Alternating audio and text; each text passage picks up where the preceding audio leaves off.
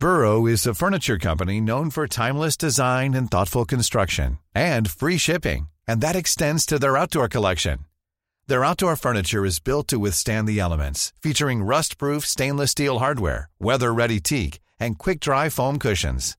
For Memorial Day, get 15% off your Burrow purchase at burrow.com slash ACAST and up to 25% off outdoor. That's up to 25% off outdoor furniture at burrow.com slash ACAST. Hiring for your small business? If you're not looking for professionals on LinkedIn, you're looking in the wrong place. That's like looking for your car keys in a fish tank.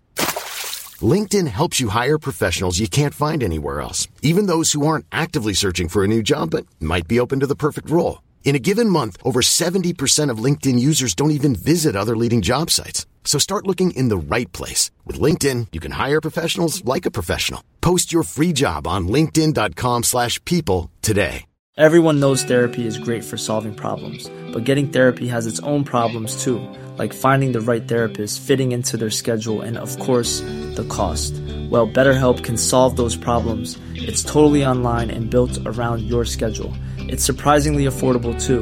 Connect with a credentialed therapist by phone, video, or online chat, all from the comfort of your home. Visit betterhelp.com to learn more and save 10% on your first month. That's BetterHelp, H E L P.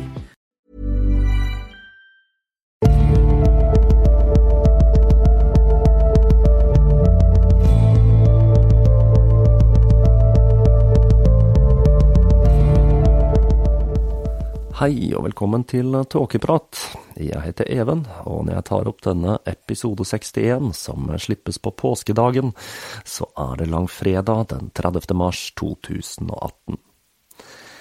I slutten av forrige episode så nevnte jeg at påskefeiringen er blitt en slags miks av hedenske og kristne tradisjoner blandet med en god dose kommersielle markedskrefter. Dette fikk meg til å leke litt med ideen om å lage en påskeepisode, og dette er da resultatet. Dette er da en veldig høytidelig episode, der jeg rett og slett har forsøkt å navigere meg gjennom denne høytiden, som for meg fremstår som svært uoversiktlig, med sine egg, godteri, krim, lam, harer, korsfestelse og kyllinger. Dette blir da også en lettere episode, et lite pust i bakken uten fullt så mye tortur og drama, før jeg igjen bier meg ut i det ukjente mørke farvann som har en tendens til å prege tåkeprat. Historier om vårfestivaler, det finner vi så langt tilbake i tid det finnes skriftlige kilder.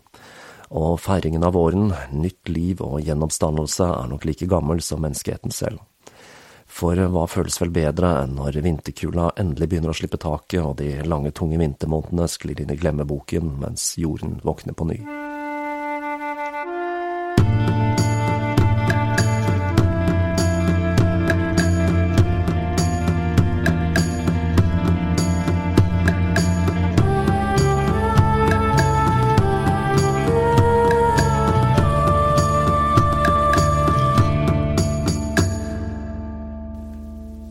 Fleste religioner har høytider knyttet til vår- og høstjevndøgn og sommer- og vintersolverv.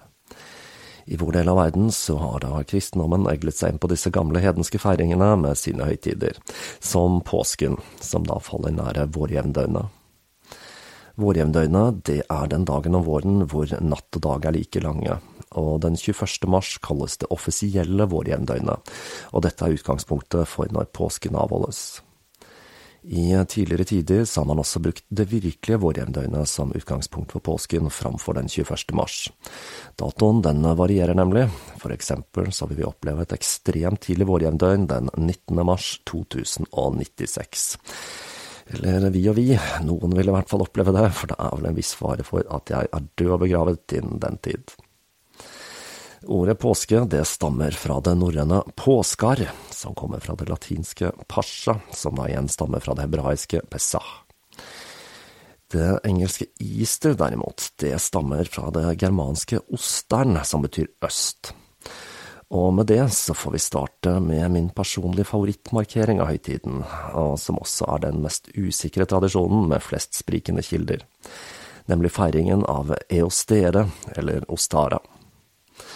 Denne høytiden, som i dag feires av neopaganister, er sentrert rundt den obskure gudinnen for daggry, Ostara, som da skal ha blitt dyrket i førkristen tid i Nord-Europa.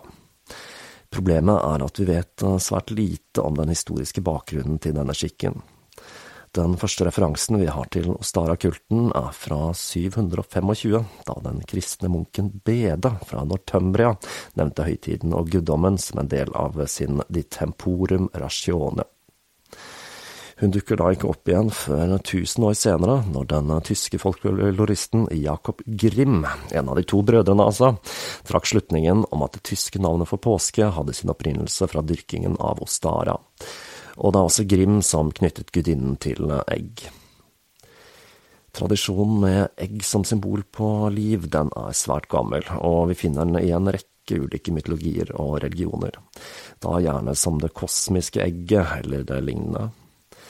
I middelalderen så finner vi tradisjonen med å dekorere egg, som man da hadde samlet opp under fasten, da disse ikke kunne spises under ventetiden mot påske.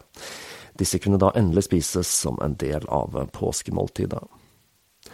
Som vi skal se, så har egget en rekke forskjellige betydninger i ulike påsketradisjoner, men det har altså ingen historisk tilknytning til Ostara som vi kjenner til. En veldig populær myte er koblingen mellom Ostara og den babylonske gudinnen Ishtar. Koblingen mellom Ishtar og Ostara er nok noe søkt, men det er et par artige ting her. Ishtar giftet seg nemlig med guden Marduk, og som vi skal se senere, så var han tilknyttet den babylonske forgjengeren til påskefeiringen.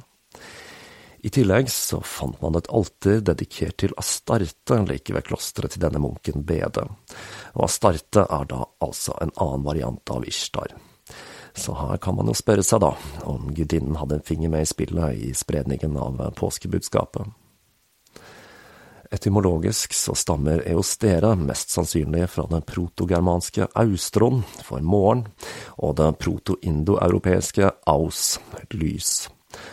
Og navnet har en rekke lingvistiske fellestrekk med gudinner for daggry, som Eos, Aurora, Usas, Usa og Auserine.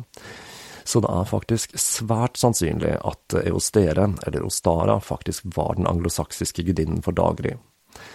Kort sagt, Ostara kommer fra øst, der hvor lyset oppstår, og med henne så følger gjenfødelsen når året blir født på ny, dagene blir lengre og naturen våkner til liv etter de lange vintermånedene. Den første moderne bruken av Ostara dukket opp i The New Reformed Orthodox Order of the Golden Dawn i 1968, og er i dag utbredt innen en rekke neopaganistiske retninger. I dag blir denne høytiden, som feires vårjevndøgn, markert med blomster, egg, frø og andre fruktbarhetssymboler for å ønske lyset og våren velkommen. Vi kommer ikke unna påske uten å ta for oss jødenes feiring. Jødedom er da en svært komplisert religion jeg kun kjenner de grove trekkene til.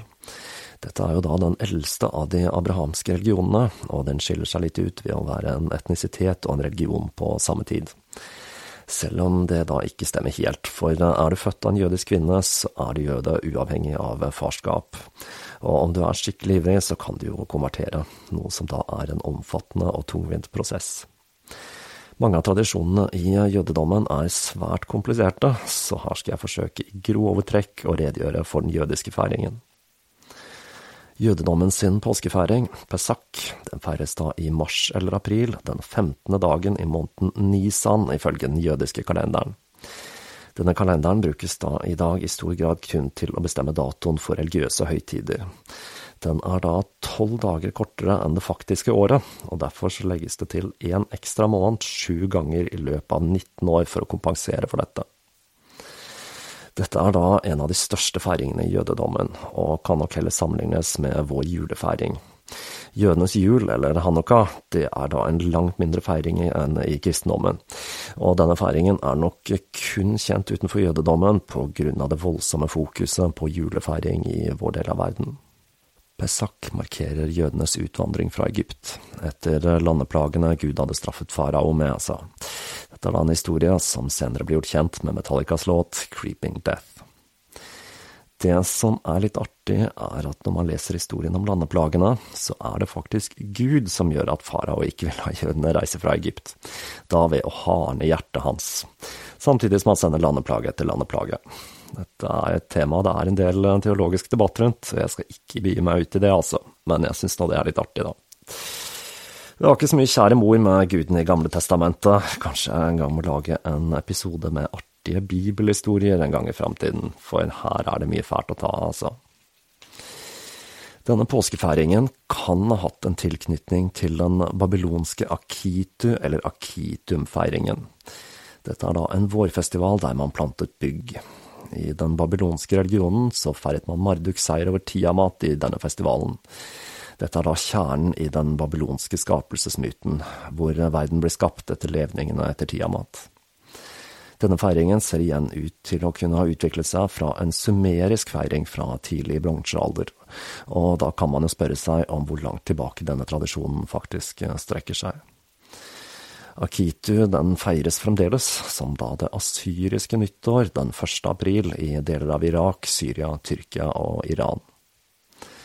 I den jødiske feiringen så finner vi en rekke påbud om hvilken mat som skal spises, som uhevet brød, eller matzo. Det er vel hva vi ville kalt for flatbrød på norsk. Det er da et symbol på at de hadde dårlig tid når de skulle flykte fra Egypt, og også et symbol på ydmykhet. Og her dukker også påskelammet opp, som et symbol på lammet som skulle slaktes for å smøre blod på døren til de rettroende, slik at dødsregelen ikke skulle ta livet av de førstefødte i huset. Eller som Metallica sa, So let it be written, so let it be done, to kill the firstborn Pharaoh's son, I'm creeping death. I tempelet i Jerusalem, som var den viktigste helligdommen for israelittene i oldtiden, så måtte hver familie ofre påskelammet, eller eventuelt en geit. Den ble da ofret den 14. dag nisan, og den skulle spises av hele familien den 15. dag. Dette er da kjent som påskeofre, eller korban pesak. Om familien ikke var stor nok til å spise hele oppgaven, så måtte man invitere inn andre, slik at hele lammet ble spist og ingenting var til overs til daggry.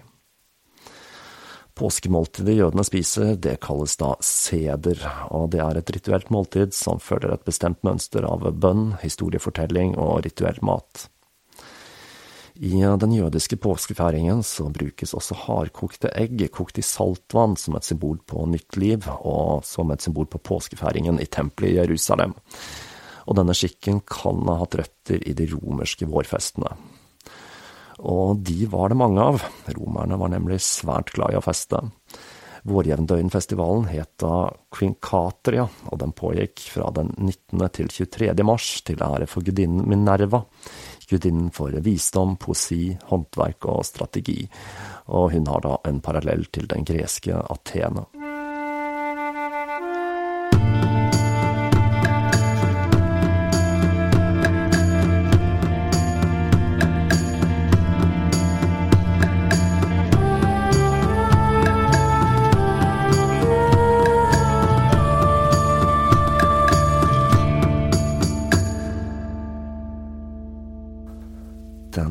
Feiringen vi kanskje er mest kjent med her til lands, er den kristne varianten av påske.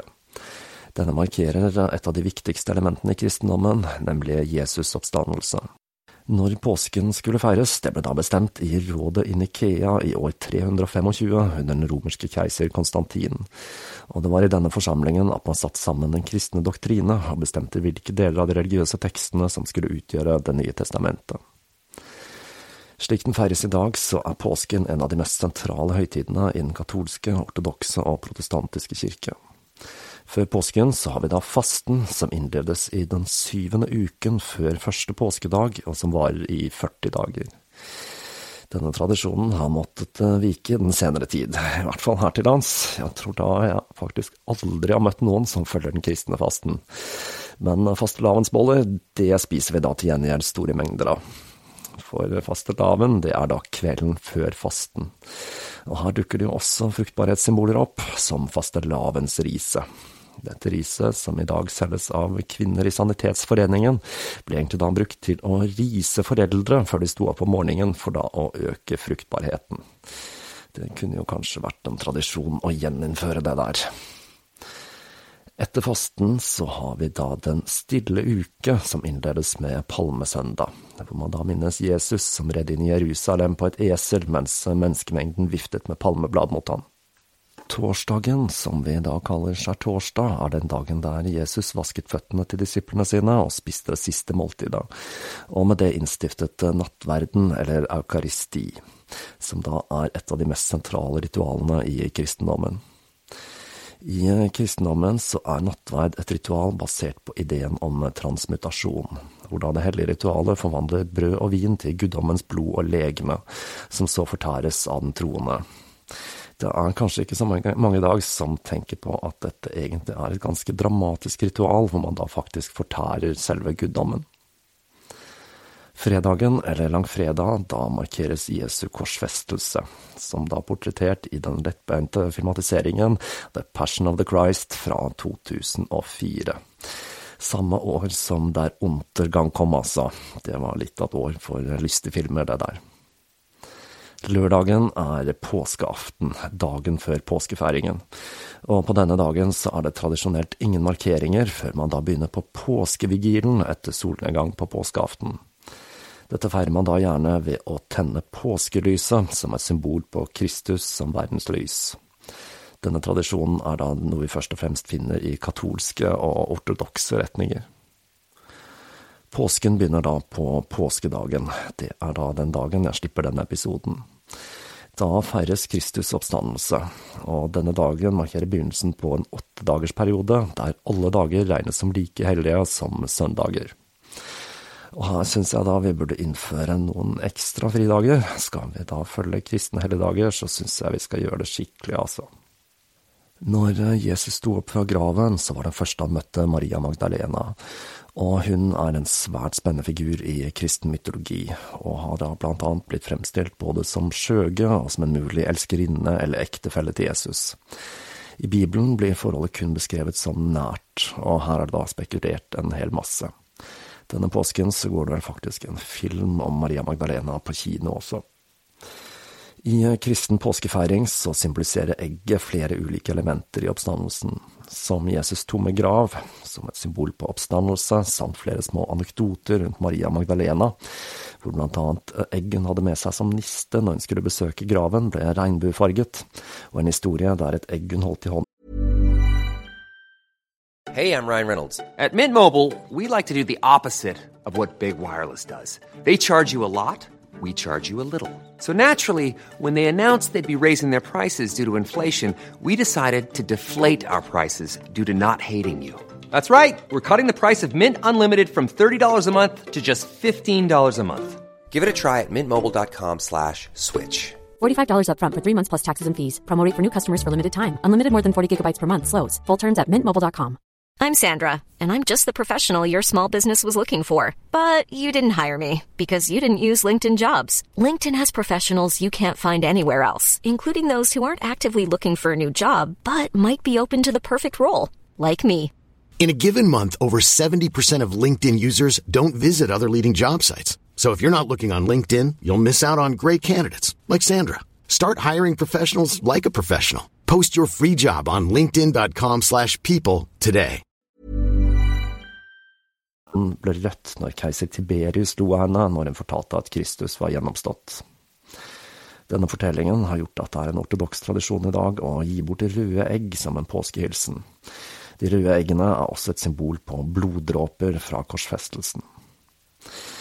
Jeg kan da ikke helt unngå å trekke paralleller mellom Maria Magdalena, gjenoppstandelsen, egg og fruktbarhet, jeg da. Kanskje det er noe skjult symbolikk her? Er det Ishtar som er på ferde igjen? Eller er det bare jeg som er litt for glad i å se etter skjulte betydninger i religionshistorie? Her har jeg da John M. Allegros The Sacred Mushrooms and the Cross i bakhodet. Denne svært kontroversielle boka ble skrevet av den britiske arkeologen og presten, som da, etter å ha studert dødehavsrullene, trakk slutningen om at tidlig kristendom dreide seg om fruktbarhetskulter sentrert rundt bruken av psykoaktiv sopp. Denne boka ble da ikke akkurat godt mottatt når den kom i 1970, men Allegro og hans teori om en sammenheng mellom bibelhistorie og andre stadier av bevissthet er en som har fått litt mer vind i seilene i den senere tid. Da spesielt på grunn av Benny Shannon, som da er en professor i psykologi ved Universitetet i Jerusalem med en doktorgrad fra Stanford, som da har en hypotese om at Moses sine konfrontasjoner med Gud er knyttet til visjonære opplevelser. Og han er ikke den eneste. Men tilbake til påsken. Den siste av de abrahamske religionene, islam, har et litt anstrengt forhold til påske. Muslimene de ser da på Jesus som en profet, og med det så var han muslim, og de mener at han ikke ble korsfestet eller sto opp fra de døde. Etter å ha tråklet litt eh, ymse islamske forum på nett, så har jeg nå, i tillegg til å ha blitt engstelig for å ha havnet i PST sitt søkelys, kommet fram til at eh, det å delta i påskefeiring for en muslim er haram, eller forbudt etter islamsk lov. Og uten å ha gått for dypt inn i teologien, så kan jeg da ikke finne noen tilsvarende feiring. Det er jo ramadan da, selvsagt, men den starter i mai. Men fortvil ikke, vi finner påskefeiring i den arabiske verden også. I Egypt så feirer den koptisk-ortodokse kirken Sham Enesim den 17. april, og denne feiringen, som markerer begynnelsen på våren, feires med en piknik, der man da spiser et tradisjonelt måltid med annet saltet sild, og ikke minst fargede kokte egg. Denne feiringen den stammer da fra den egyptiske høsttakerfesten, hvor man spiste et måltid med blant annet saltet fisk. Og over tid så har denne feiringen flyttet seg og byttet innhold til eh, den vi finner i dag. Hinduistenes vårfeiring heter Holi. Ja, det er da et litt artig navn, og spesielt med indisk aksent. Dette er da en flyttbar høytid som følger månen og Vikram Samvat, den hinduistiske kalenderen, og denne faller da mellom slutten av februar og midten av mars. I denne høytiden så feirer man slutten på vinteren, ankomsten til våren og det gode seier over det onde. Dette er da en festival som har spredt seg også utenfor India, og nå også feires av ikke-hinduister.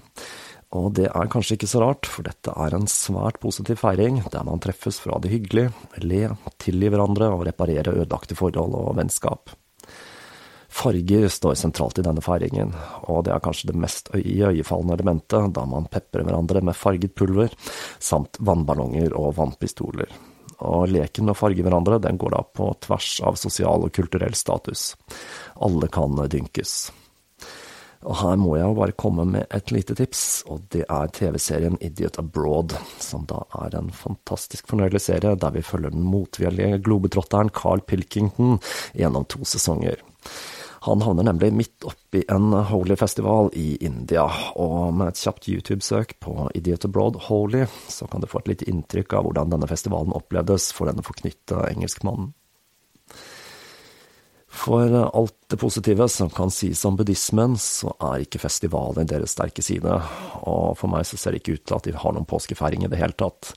De kunne kanskje trengt å låne hinduismens holy.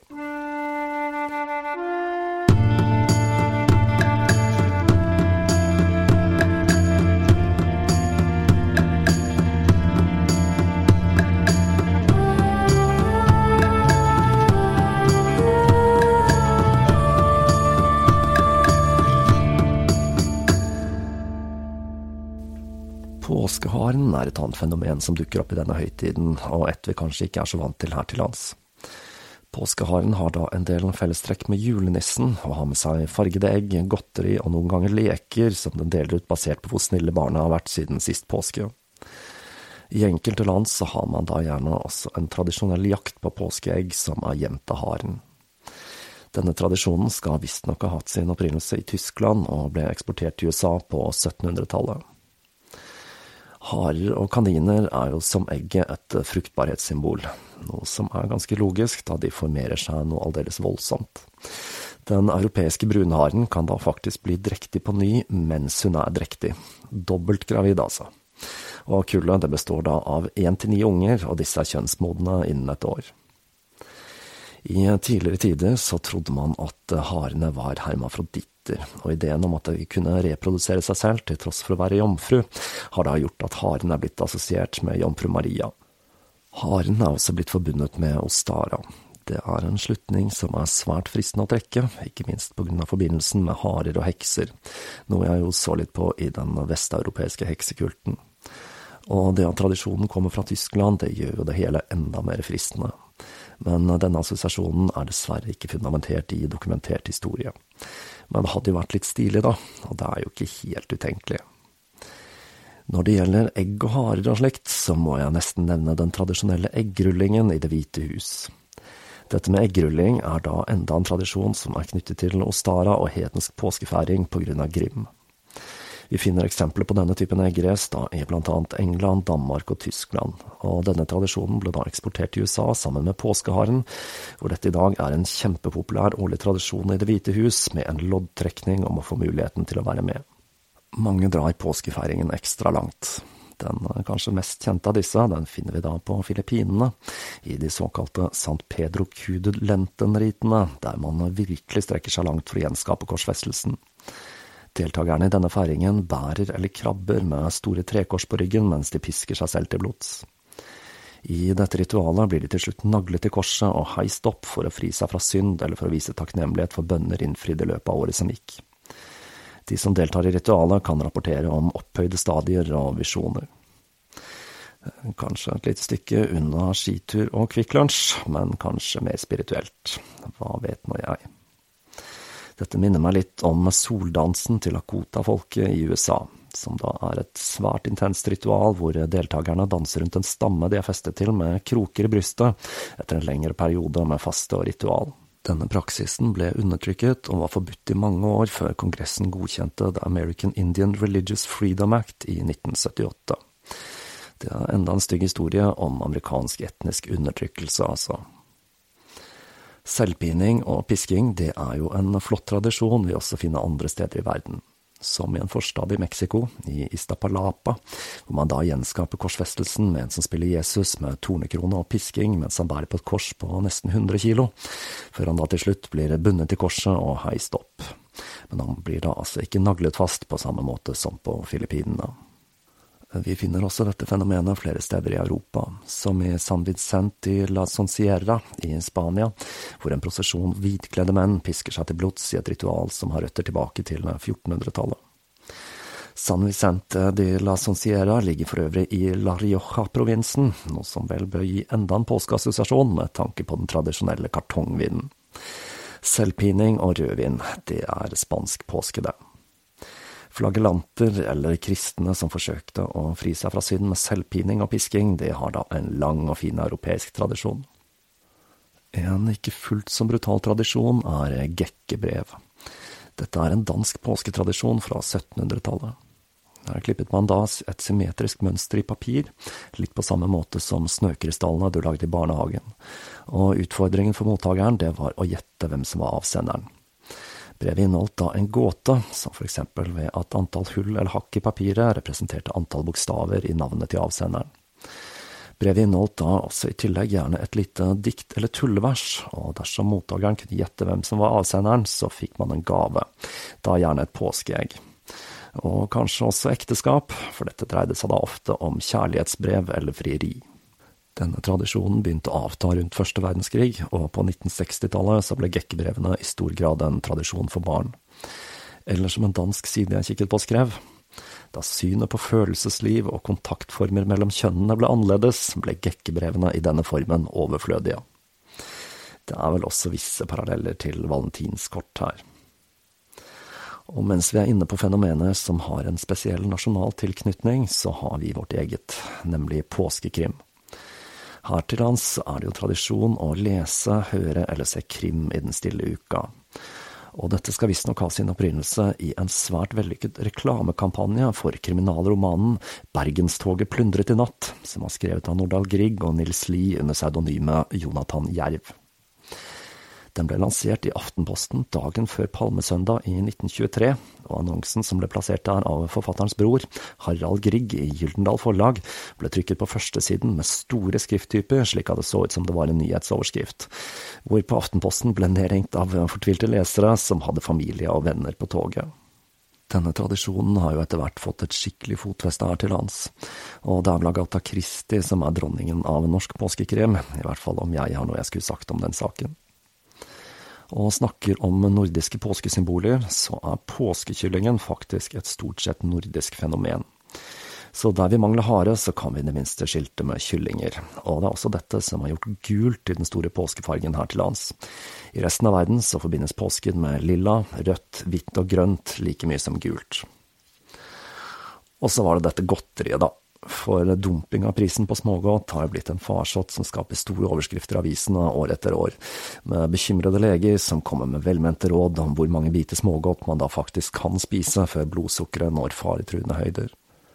Tradisjonen med påskeegg som blir fylt med godteri og gitt til barn, den stammer fra 1700- og 1800-tallet, og de første sjokoladeeggene de så dagens lys på begynnelsen av 1800-tallet i Tyskland og Frankrike. Det kanskje mest kjente av disse er det britiske Cadbury-egget, som ble lansert i 1875. Men sjokolade til side. De absolutt mest kjente påskeeggene er de såkalte Fabergé-eggene, som da ble laget av den russiskfødte gullsmeden Peter Carl Fabergé. Og han lagde en serie med juvelbesatte egg for tsaren, som en gave til tsarinaen, mellom 1885 og 1917. Kanskje så mange som 69 totalt. Det faktiske tallet er da ikke kjent. De svært forseggjorte eggene inneholdt da en overraskelse, gjerne flere gjemt inni hverandre som en russisk babusjka-dukke. Disse svært påkostede påskeeggene er blitt et slags symbol på ekstravaganse og rikdom, og dukker til stadig opp i populærkulturen, som i James Bond-filmen Octopussy fra 1983. Siden flere av eggene er tapt, så er det knyttet en del romantikk og mystikk til disse eggene.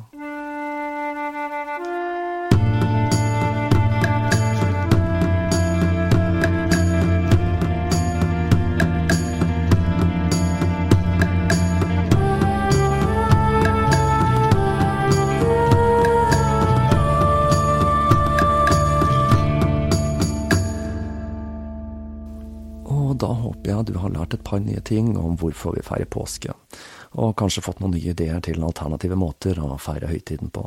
For ingen religion kan legge beslag på vårfesten. Den er mer eller mindre universell, og vi finner den i de fleste religioner og tradisjoner. Jeg føler iallfall at jeg er litt klarere på hvorfor vi feirer denne høytiden, og hvor de ulike tradisjonene kommer fra etter å ha jobbet med denne episoden. En ting som er litt merkelig, er at vi bruker ordet påske, mens store deler av Europa og USA har en variant av easter. I motsetningen til julefeiringen, hvor vi da bruker det hedenske jul framfor Christmas eller Kristusmesse, så er det altså vi som bruker den kristne varianten om vårfeiringen. Hedensk jul og kristen påske. Det er merkelige greier. Og da var det slutt på koseepisoden for denne gang. Nå er det tilbake til den gamle tralten her i Tåkeprat. Mer tortur og djevelskap, altså. Men det var hyggelig så lenge det varte. Jeg får kanskje satse på å lage en episode som dette fra tid til annen. Episodeillustrasjonen til denne episoden er litt spesiell.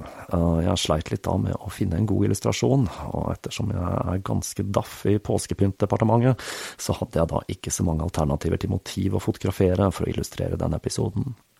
Jeg kom da på at jeg nylig hadde sett et bilde av Ostara-eggene til den ukrainske heksen Helena Helios, og jeg tok da kontakt med henne, og hun lot meg bruke bildet til å illustrere denne episoden. Så jeg vil oppfordre de av dere som bruker en app som ikke viser episodeillustrasjonene, om å ta en titt på dette bildet, enten via sosiale medier eller på hjemmesiden. I tillegg til å ta vakre bilder, så driver Helena en nettbutikk som selger håndlagte talismaner og lignende, så jeg linker både til Instagram-galleriet hennes og nettbutikken i episodenotatene. Og så det jeg har sagt, altså, jeg har da ingen forbindelse med denne damen, utover at jeg liker bildene hennes. Så da gjenstår det bare å oppfordre til å fortsette å lytte, tipse venner og kjente, følge på sosiale medier, rate i iTunes og støtte på Patrion om du vil bidra litt ekstra. Linker og info det finner du som vanlig på tåkeprat.com. Så fram til neste episode så er det bare å nyte våren og ønske lyset velkommen når vi forlater vinteren og går sommeren i møte. Endelig kom lyset tilbake.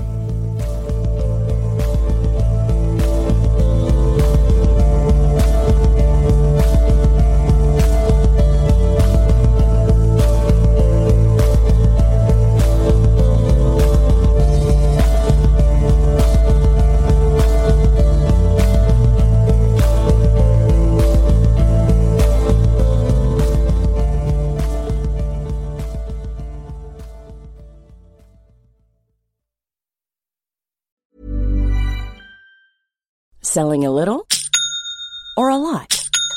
Shopify helps you do your thing however you cha-ching. Shopify is the global commerce platform that helps you sell at every stage of your business. From the launch your online shop stage to the first real life store stage, all the way to the did we just hit a million orders stage. Shopify is there to help you grow. Shopify helps you turn browsers into buyers with the internet's best converting checkout. 36% better on average compared to other leading commerce platforms because businesses that grow grow with Shopify. Get a $1 per month trial period at shopify.com/work. shopify.com/work. Planning for your next trip? Elevate your travel style with Quince. Quince has all the jet-setting essentials you'll want for your next getaway, like European linen, premium luggage options, buttery soft Italian leather bags, and so much more. And is all priced at 50 to 80% less than similar brands. Plus, Quince only works with factories that use safe and ethical manufacturing practices. Pack your bags with high-quality essentials you'll be wearing for vacations to come with Quince. Go to quince.com slash pack for free shipping and 365-day returns.